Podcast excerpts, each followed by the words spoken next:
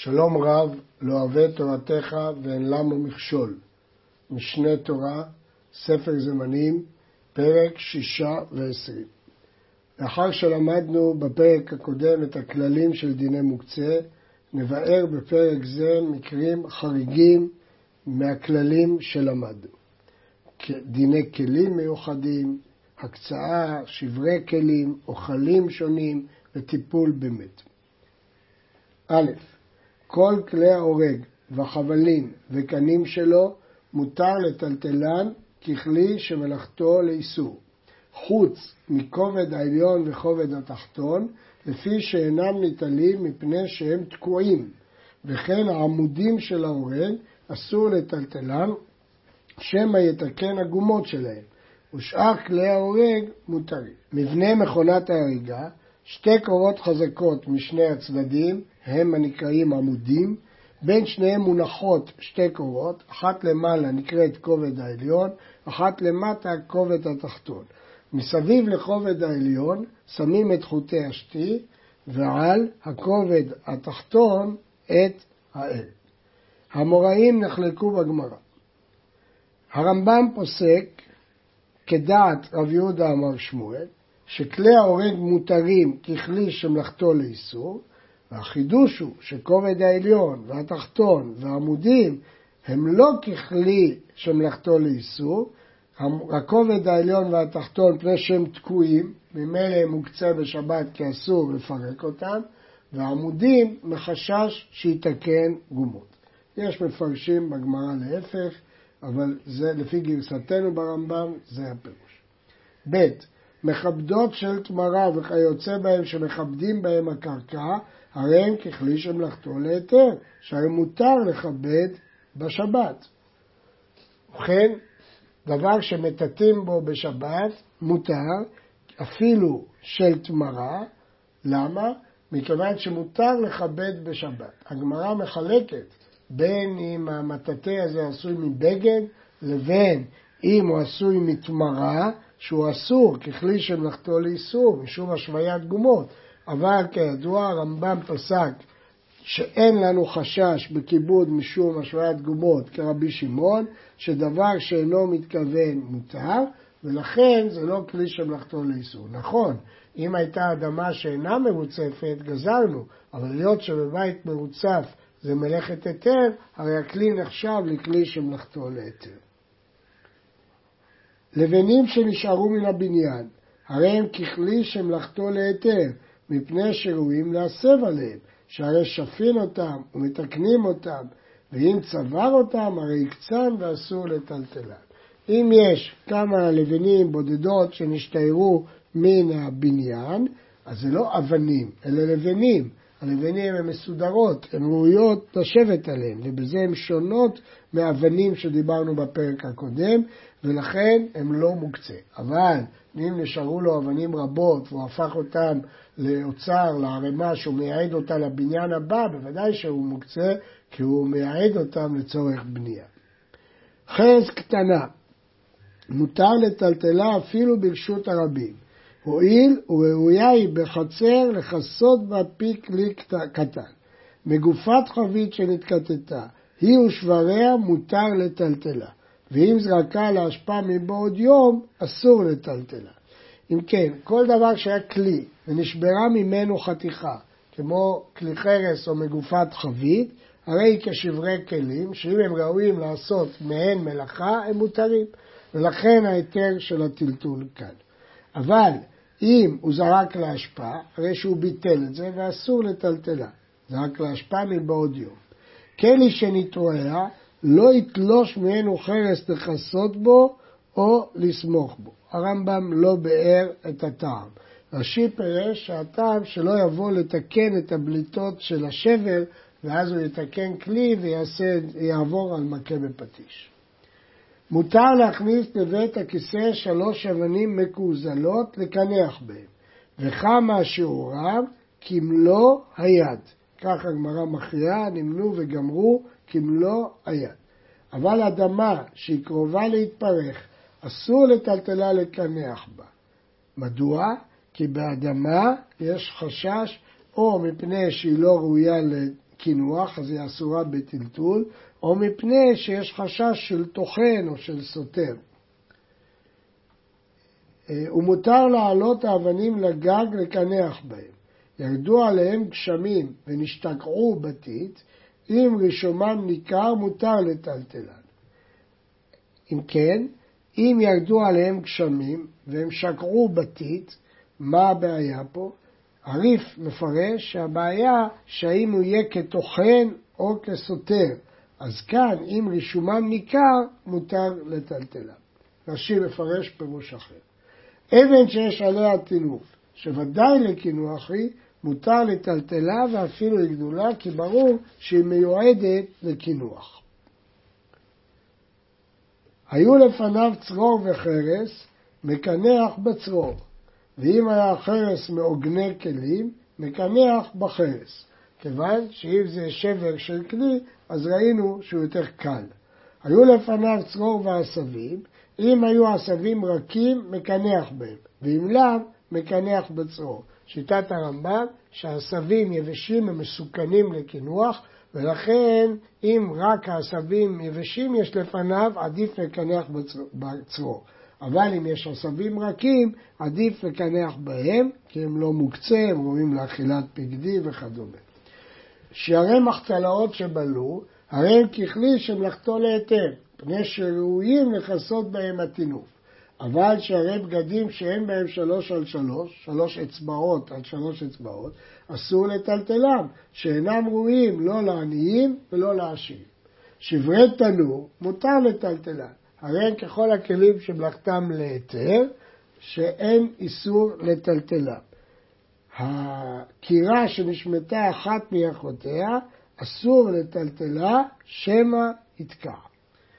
הדין של שברי תנור לכאורה דומה לכל דין שברי כלים שמותרים בטלטול אם הם ראויים לעשות מעין מלאכתה. סולם של עלייה אסור לטלטלו, שאין עליו תורת כלי, ושל שובח מותר להטוטו, אבל לא יליכו משובח לשובח, שלא יעשה כדרך שהוא עושה בחול ויבוא לצוד. שיטת הרמב"ם שסולם של עלייה אינו כלי, כיוון שהוא ראוי לבניין כמעט קבוע, הוא לא כלי. יש גם, אה, אומרים, סיבות אחרות, אבל זאת הסיבה שהרמב"ם אומר, שזה סולם גדול שעשוי לבנייה, הוא לא מוגדר ככלי. אבל סולם של שובח הוא ככלי, ולכן מותר להטותו.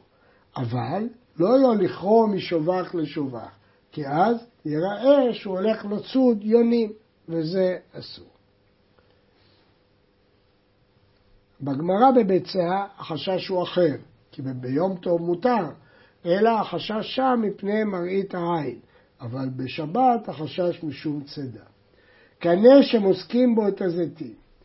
אם יש עליו תורת כלי, הוא ככלי שמלאכתו לאיסור. קנה שהתקינו בעל הבית להיות פותח ונועל בו, אם יש תורת כלי עליו, הרי הוא ככלי שמלאכתו להיתר. קנה שמוסקים בו את הזיתים, ועושים בראש שלו עיגול כמין קשר כדי להפוך בו זית ולהסתכל בו, כלומר הוא כלי, הוא כלי שמיועד לזיתים, הוא לא סתם מקל. אז זה תורת כלי, אמנם מלאכתו לאיסור, למסיקה. לא מפורש בגמרא התנאי הזה, אבל הוא הגיוני כדי שהוא יהיה כלי. קנה שהתקינו בעל הבית להיות פותח ונועל בו, הפך אותו לסוג של מפתח. אם יש עליו תורת כלי, אז הוא כלי, ואם הוא כלי, הוא כלי שמלאכתו להיתר, כי לפתוח את הבית מותר. דלת שהיה לה ציר, אף על פי שאין לה עתה ציר, שהכינה לסתום בה מקום מוקצה, והיא נגררת, שנוטלים אותה וסותמים בה, וכן חדקים שסותמים בהם הפרצה, וכן מחצלת הנגררת, בזמן שקשורים ותלויים בכותל, סותמים בהם, ואם לאו, אין נועלים בהם, ואם היו גבוהים מעל הארץ, נועלים בהם. לכן מה מדובר פה? מקומות שלא נכנסים להם תדיר, זה לא בית, זה מוקצה, זה מחסן, היו משתמשים בכל מיני חפצים בתור דלת. ברגע שהחפץ הזה יקבל שם דלת, הוא יהיה מותר, כי זה כלי שמלאכתו להיתר. אבל כיצד הוא מקבל שם דלת? הרמב"ם מסביר מה זה חדקים? ריבוי חדק ועם הקוצים. קושרים קוצים עם קנים ועושים מהם כעין לוח, שסותמים בו פרצות שבגנות. כך כותב הרמב"ם בפירוש המשנה. ובכן, מה מדובר פה? יש פה חפצים שונים שהם מוקצה, אבל אם הם מיועדים להיות דלת, הם מפסיקים להיות מוקצה. כיצד אני נותן להם שם כלי לייעד אותם להיות דלת, או שהם קשורים, או שהם תלויים, או שהם מונח, גבוהים מן הארץ, אז הם הפכו להיות מיועדים לדלת. כמובן, העובדה שהיה לה ציר, כן, ומקום הציר ניכר, אז זה מראה שהדלת הזאת יש לה תורת כלי. אבל אם לא היה לה ציר מעולם, אסור. הרגיד משנה מאיר, שמהגמרא עולה, בניגוד לרמב"ם, שגבוה מהארץ לא צריך את התנאי של ציר. הרמב"ם לא משמע כך. דלת שהיא לוח אחד, ששומטים אותה ונועלים בה. אם לא היה למטה כאן כמו אסקופה שמוכיח עליה שהיא כלי מוכן לנעילה, אין נועלים בה. מדובר בדלת שהגמרא קוראת לה דלת אלמנה.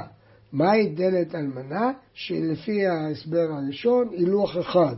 לפי ההסבר השני אין לו בריח. אז אם היא אחד, איך אני יכול לדעת שזה נחשב כלי? רק אם יש משהו מוכיח, או אסקופה, או דבר אחר שיביא הוכחה שזה כלי. וכן נגר, בריח, שיש בראשו קלוסטרה, מסביר פירוש המשנה, כן כדור או ריבוע, דבר שמורה שהוא כלי ואינו קורה בעלמא, שמוכחת עליו שהוא כלי מוכן לנעילה ואינו קורה כשאר הקורות, נועלים בו בשבת. אם כן הדין פשוט, אדם לוקח קורה ורוצה להשתמש בה בתור בריח. צריך שיהיה איזה היקף, שזה לא סתם קורה, זה כלי. אז אם יש בה איזה ריבוע, איזה עיגול, איזה שינוי שמוכיח שהקורה הזאת היא כלי, מותר להשתמש בה. נגר שאין בראשו קלוסטרה, אין לנו את ההוכחה הזאת. אם היה קשור ותלוי בדלת, נו לא, כי זו הוכחה שזה מיועד לנעילה. וכן, אם היה ניטל ואגודו עמו, הוא קשור לחבל, גם כן אפשר. אבל אם היה אגודו קבוע בדלת, והיה הנגר נשמט כמו קורה, ומנחים אותו בזווית, וחוזרים ונועלים בו בעת שיוצאים, הרי זה אסור לנעול בו, שאין עליו תורת כלי, ואינו אגוד, ואין בו אגד להוכיח עליו. כלומר, לפעמים החבל היה מחובר לדלת, ומכניסים לתוכה את הקורה. אז מה יוכיח על הקורה שהיא מנעול ולא סתם קורה? רק הקלוסטרה. אבל אם אין קלוסטרה, הוא קורה בעלמא.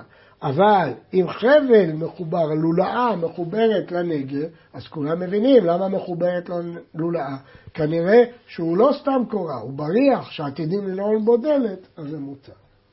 מנורה של חוליות, בין גדולה בין קטנה, אין מטלטלים אותה, שמא יחזירנה בשבת. לפי הרמב"ם אין הבדל בין מנורה גדולה או קטנה, אסורה בטיטול, שמא היא תתפרק והוא יבנה אותה מחדש. היו בה חדקים והיא נראית כבעלת חוליות, היא לא בעלת חוליות, אבל יש בה סימנים של חוליות. אם הייתה גדולה ניתנת בשתי ידיים, אסור לטלטלה. הייתה קטנה מזו, מותר לטלטלה. הרמב"ם מנמק שהאיסור לטלטל מנורת חדקים גדולה, הניתנת בשתי ידיים, אסור לטלטלה. למה? הרמב"ם לא כותב את הנימוק. האם מפני שהיא כובדה? לא ייתכן. כי למדנו כבר ברמב"ם שכלי גדול וכבד, אפילו שעשרה בני אדם נוטלים אותו, עדיין הוא נחשב אה, כלי. אז אם כן, מדוע הרמב"ם אוסר במנורה גדולה? כי אם היא גדולה ויש לה חדקים, היא נראית כמנורה של חוליות, ויבוא להרכיב אותה. אבל אם אין לה חדקים, או שהיא קטנה, היא לא תיראה כמנורה של חוליות. מנהל שעל גבי האימום, דהיינו, המנהל מונח על הדפוס שמניחים אותו כדי להתייבש, כלומר הוא עוד לא מוכן לגמרי ללבישה, שומטים אותו בשבת. בכל אופן הוא לא נקרא מוצא, הוא כבר כלי. אגב, זאת ההלכה האחרונה שרבי אליעזר לימד לפני מותו. שאלו אותו אם מנהל שעל גבי אימום, אמר להם טהור. המנהל הזה שעל האימום הוא כבר כלי, למרות שהוא עוד לא מוכן לחלוטין, אז הוא כלי. אה, לפי רבי אליעזר, שמטהר, משמע שהוא עדיין לא רואה אותו ככלי, אבל אנחנו פוסקים כחכמים שמטמאים וזה כלי. רבי אליעזר פסק שטהור, אבל חכמים חלקו עליו ורואים אותו כבר ככלי. ייתכן גם שאין להשוות בין דיני טומאה וטהרה לדיני מוקצה, ולהגיד שבהלכות מוקצה אין הדבר קשור לטומאה וטהרה, כי זה ראוי לשימוש. סוף סוף זה ראוי לשימוש, ולכן שומטים אותו בשבת. מכבש של בעלי בתים מתירים אבל לא כובשים. מה זה המכבש הזה? המכבש הוא סוג של מגהץ, שהרמב"ם מפרש אותו, וגם רש"י מפרש אותו. הרמב"ם כותב, כלי שכובשים תחתיו הבגדים כדי לייפות קיפוליהם. רש"י מפרש, שני לבכים ארוכים וכבדים, סודרים הבגדים על התחתון ומורידים העליון על גביו. זה סוג של מגהץ. מתירים אבל לא כובשים, ושכובסים לא ייגע בו מפני שהוא מוקצה מחמת חסרון כיס. אם כן, מה שנוגע לענייננו זה מכבש של כובסים, שהוא כלי מקצועי, הוא אסור מדין מוקצה, מדין חסרון כיס. אבל מכבש ביתי הוא לא מוקצה, אז מותר לפתוח אותו, להוציא את הבגדים, אבל אסור לכבוש, זה מטעם אחר, זה לא קשור למוקצה.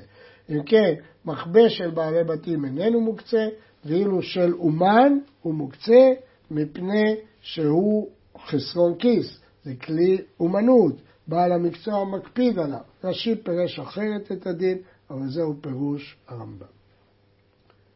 וכן גזי צמר אין מטלטלים אותם פני שהוא מקפיד עליהם, הוא שומר עליהם לסחורה או להוצאה. לפיכך אם יכדם לתשמיש, מותר. אם הוא החליט שהוא רוצה להשתמש בהם, מותר. והשלכים מותר לטלטלם, בין היו של בעל הבית או של האומן, פני שאינו מקפיד עליהם. השלכים הם חתיכות עור, אפילו שהאומן יצטרך להשתמש בהם, אבל הם לא יתקלקלו על ידי הטלטול, ולכן לא אכפת לו שיהיו אנשים שישענו בהם, אה, לא, לא חשוב הדבר. כל דבר מטונף, כגון ראי וקי וצואה וכיוצא בהם, אם היו בחצר שיושבים בה, מותר להוציאם להשפעה ולבית הכיסא, וזהו הנקרא גרף של ראי. יש היתר מיוחד בגמרא, בדבר מאוס כזה, לטלטל אותו ולהוציא אותו. אבל אם היה בחצר אחרת, לא יושבים בה, כופים עליהם כלי כדי שלא יצא הקטן ויתלכלך בהם. אין בעיה של מיאוס, כי אנשים לא יושבים בחצר, אבל יש בעיה שקטן לא יתלכלך, אז מספיק לכפות עליהם כלי. רוק שעל הקרקע, דורסו לפי תומו והולך. כלומר, הוא הולך בצורה טבעית, למרות שהוא מטלטל קצת את הרוק, אין בעיה, כי זה לפי תומו, היתר שראינו אותו פעמים רבות. ומטלטלים קנונה מפני אפרו, אף על פי שיש עליו שברי עצים, מפני שהוא כגרף של ראי. ההיתר לטלטל מחתה קנונה אגב האפר והעצים שיש עליה מפורש בגמרא. השאלה הוא מה טעם ההיתר. הרי יש עליה גם שברי עצים, יש עליה אפר, מפני מה מותר לטלטל. יש דעות שונות. יש דעה שהאפר הוא לא מוקצה, הוא מיועד לכסות רוק או צואה, ולכן מותר לטלטל את המחתה אגב האפר, אף על פי שיש גם שברי עצים שהם לא ראויים. זה הפירוש של רש"י. אבל הרמב"ם, כפי שראינו, מנמק שההיתר הוא לא שמטלטלים אגב הדבר המותר, אלא היתר מפני שהוא גרף של ראי, מפני שהאפר הזה מאוס, שברי עצים מאוסים, כך פשט דברי הרמב"ם. המגיד משנה מציע הצעה נוספת, פירוש אחר, והוא שהרמב"ם מתכוון שזה ראוי להיות גרף של ראי, ולכן האפר ראוי לכסות את הראי. אבל פשט דברי הרמב"ם, משמע שכל המחתה הזאת היא גרף של ראי. ואין עושים גרף של ראי לכתחילה בשבת. למרות שהתרנו לטלטל גרף של ראי, אבל לא ליצור מצב של גרף ראי, למדנו כבר את ההלכה הזאת. אבל אם נעשה מאליו או שעבר ועשו, אפילו באיסור, מותר, מוציאים אותו, כי זה מאוס. י"ד שמן שיוצא מתחת הקורה של בית הבת בשבת, וכן תמרים ושקדים המוכנים לסחורה, מותר לאוכלם בשבת, ואפילו עוד צג של תבואה או תבואה צבועה מתחיל להסתפק ממנה בשבת, שאין שם אוכל שהוא מוקצה בשבת כלל, אלא הכל מוכן. כלומר, אוכל הוא לא מוקצה. ואי אפשר לומר, אבל האוכל הזה, שמת אותו במחסן. נכון, אבל כשאדם רוצה לאכול, הוא ייקח גם מהמחסן. ולכן, באוכל שהוא ראוי לאכילה, אין בו שם מוקצה, גם אם הוא כרגע באוצר. אבל יש חריג. מהו החריג? חוץ מגרוגרות וצימוקים שבמוקצה בזמן שמייבשים אותם. הואיל ומסריחות בינתיים ואינם ראויים לאכילה, הרי הן אסורים בשבת משום מוקצה. המילה מוקצה משמשת פה בשתי משמעויות. הוא לקח את התאנים, הלכות, ושטח אותם במוקצה. מוקצה זה שטח שמיועד לטיפול במחסן, בפירות וכיוצא בהם. והוא מיועד לעשות מזה תאנים מיובשות, או ענבים ולעשות צימוקים. תהליך ייבוש התאנים והענבים גורר שלב של מסריחות. ולכן כיוון שהתאנים מסריחות, הוא הקצה אותם מדעתו, אז למרות שהם אוכל, ועכשיו הוא מתחרט ורוצה לאכול אותם, אסור, כי הוא הקצה אותם מדעתו. חבית שנתגלתה ואבטיח שנשברה, אף על פי שאינם ראויים לאכילה, נוטלם ומניחם במקום המוצנע. אמנם אסור לאכול את החבית שנתגלתה ואת האבטיח שנשברה פני חשש שנחש שתה מהם, אבל התירו להצניע את זה מפני הסכנה, שמא יבוא מישהו אחר וישתה מהם. כיוצא בו, קמע שאינו מומחה, אף על פי שאין יוצאים בו, מטלטלים אותו. למה? הרמב"ם לא כותב. אפשר לפרש כיוצא בזה, כן ההלכה הקודמת. מטלטלים אותו כדי שלא ייכשלו בו, או שיבוא מישהו ויצא בו, או סתם דרכי אמורי להשתמש בקמר. מותר השמן שבנר ושבקערה שהדליקו בהם באותה שבת, אסור להסתפק ממנו באותה שבת, פני שהוא מוקצה מחמת איסור. כיוון שזה נר קטן, קערה קטנה, הוא חשב שכל הנר ידלק, ולכן כל השמן הוא מוקצה מחמת איסור, ואסור לקחת מן השמן הזה. אוצר של תבואה או של כדי יין, אף על פי שמותר להסתפק ממנו, כי אמרנו שכל אוכל הוא לא מוקצה, אפילו שהוא במחסן. אסור להתחיל בו לפנותו, אלא לדבר מצווה, כגון שפינהו להכנסת אורחים או לקבוע בו בית המדרש.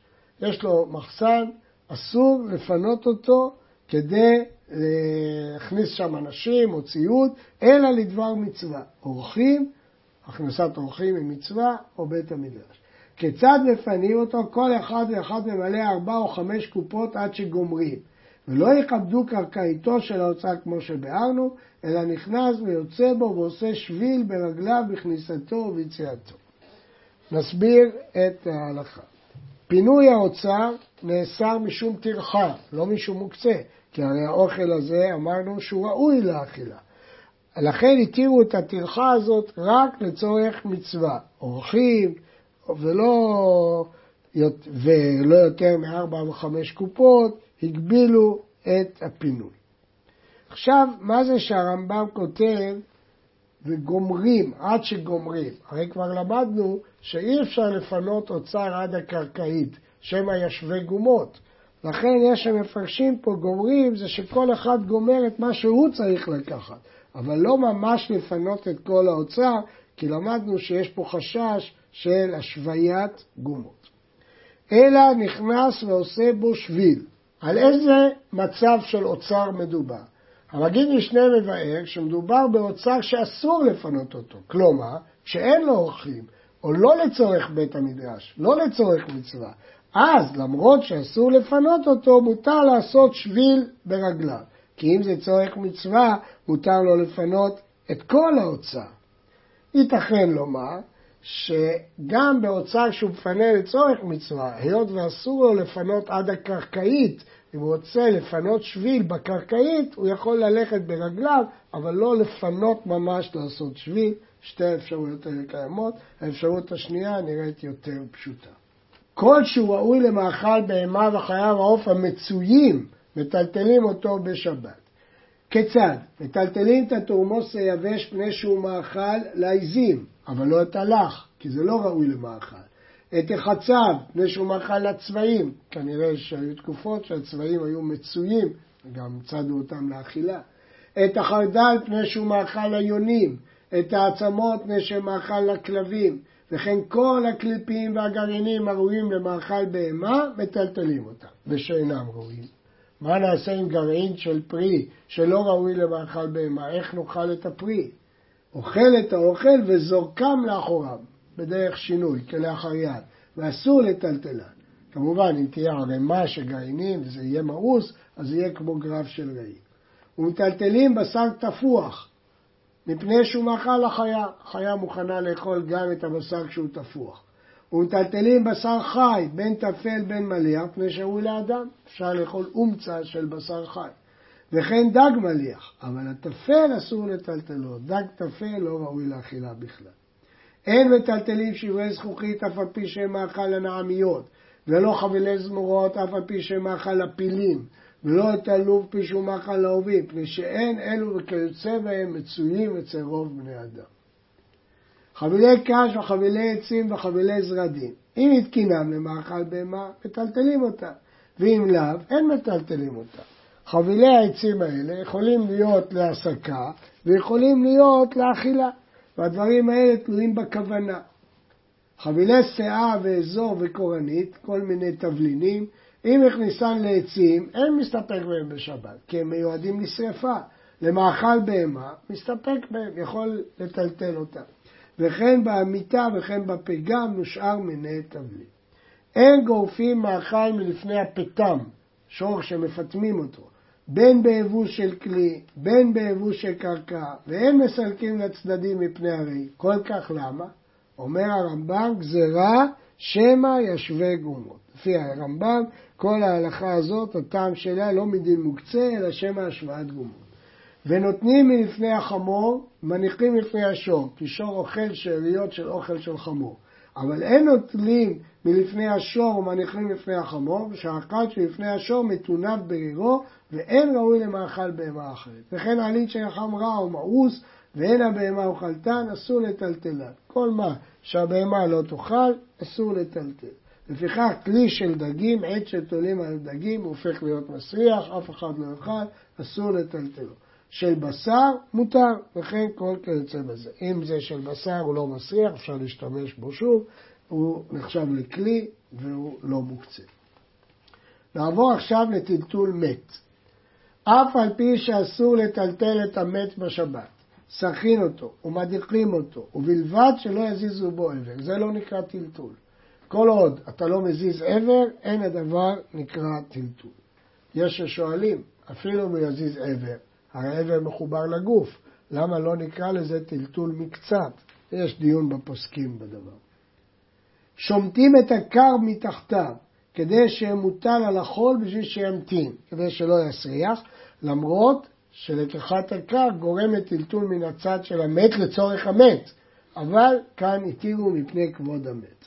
ומביאים כלי מקר וכלי מתכות מנחים לו עד קרסו כדי שלא תפוח. למרות שזה טלטול כלי לצורך דבר שלא ניתן, אמרנו כבר שזה מותר. ופוקקים את נקביו שלא ייכנס בהם הרוח, וקושרים את הלחי, לא שיעלה, אלא שלא יוסיף. הדבר הזה מפורש במשנה, שקושרים לא בשביל שיעלה, אלא שלא יוסיף. ואין מאמצין את עיניו בשבת. לא ברור האם האיסור פה מדין מוקצה או מדין אחר. אם זה מדין מוקצה, משמע שאפילו טלטול במקצת הוא מוקצה. כמובן שלפני יציאת נשמה אסור לעצום את העיניים, זה כשופך דמים. מת המוטל בחמה, עכשיו יש ביזיון, הוא מסריח, ויש כבוד המת וכבוד החי. מניח עליו כיכר או תינוק ומטלטלו. זה יותר מיוחד באמת, שהניחו, מניחים עליו כיכר או תינוק, ואז נחשב שמטלטלים אגב הכיכר או התינוק. למרות שפה זה לצורך המת, התירו. וכן, אם נפלה דלקה בחצר שיש בה מת, מניח עליו כיכר או תינוק. ואם אין שם כיכר ולא תינוק, אז בדלקה הצילו. מצילים אותו הדלקה בכל מקום, אפילו בידיים. שמא יבוא לכבות, פני שהוא בהול על מתו שלא יישרף. ולא התירו לטלטל בכיכר או תינוק, אלא למת בלבד, פני שאדם בהול על מתו. היה מוטל בחמה, ואין להם מקום לטלטלו. או שלא רצו להזיזו במקומו, הרמב"ם יציע לנו הצעה של הגמרא בדרך הערמה. באים שני בני אדם ויושבים משני צדדיו. חם להם מלמטה, הם טוענים שחם. זה מביא מיטתו ויושב עליה, וזה מביא מיטתו ויושב עליה. חם להם מלמעלה. זה מביא מחצלת ופורס גביו, וזה מביא מחצלת ופורס גביו. אחר כך זה זוקף מיטתו והולך לו, וזה זוקף מיטתו והולך לו, נמצאת מחיצה עשויה מאליה. בעצם הם בנו פה אוהל, אבל לא בצורה הרגילה, כי קודם כל הם ישבו על המיטות, אחר כך הם תפסו את המחצלת, אחר כך הם זקפו את המיטות, והאוהל נעשה מאליו, מפני המת התירו את הדבר הזה. מת שהסריח בבית ונמצא מתבזה בין החיים והם מתבזים ממנו, מותר להוציאו לכרמלית. שגדול כבוד הבריות שדוחת לא תעשה שבתורה, שהוא לא תסור מן הדבר אשר יגידו לך. ואם היה להם מקום אחר לצאת לו, אין מוצאים אותו, מלכים אותו במקומו ויוצאים. ובכן מת מסריח בבית, החיים מתבזים, המת מתבזה, התירו להוציאו לכרמלית. למה? גדול כבוד הבריות שדוחת לא תעשה שבתורה. הגמרא שואלת, האם כבוד הבריות ידחה לא תעשה דאורייתא? אומרת הגמרא לא, ידחה איסור דרבנן. אז למה זה נקרא דוחה לא תעשה דאורייתא? כי עוברים על לא תסור, ולכן מותר לטלטל את המת למרות שעוברים על איסור כרמלית, שהוא איסור דרבנן משום לא תסור, מפני כבוד הבריות. מן הגמרא הזאת הוכיח הרמב"ם את שיטתו, שכל מי שעובר על איסור דרבנן, עובר גם על איסור לא תסור, שהוא איסור תורה.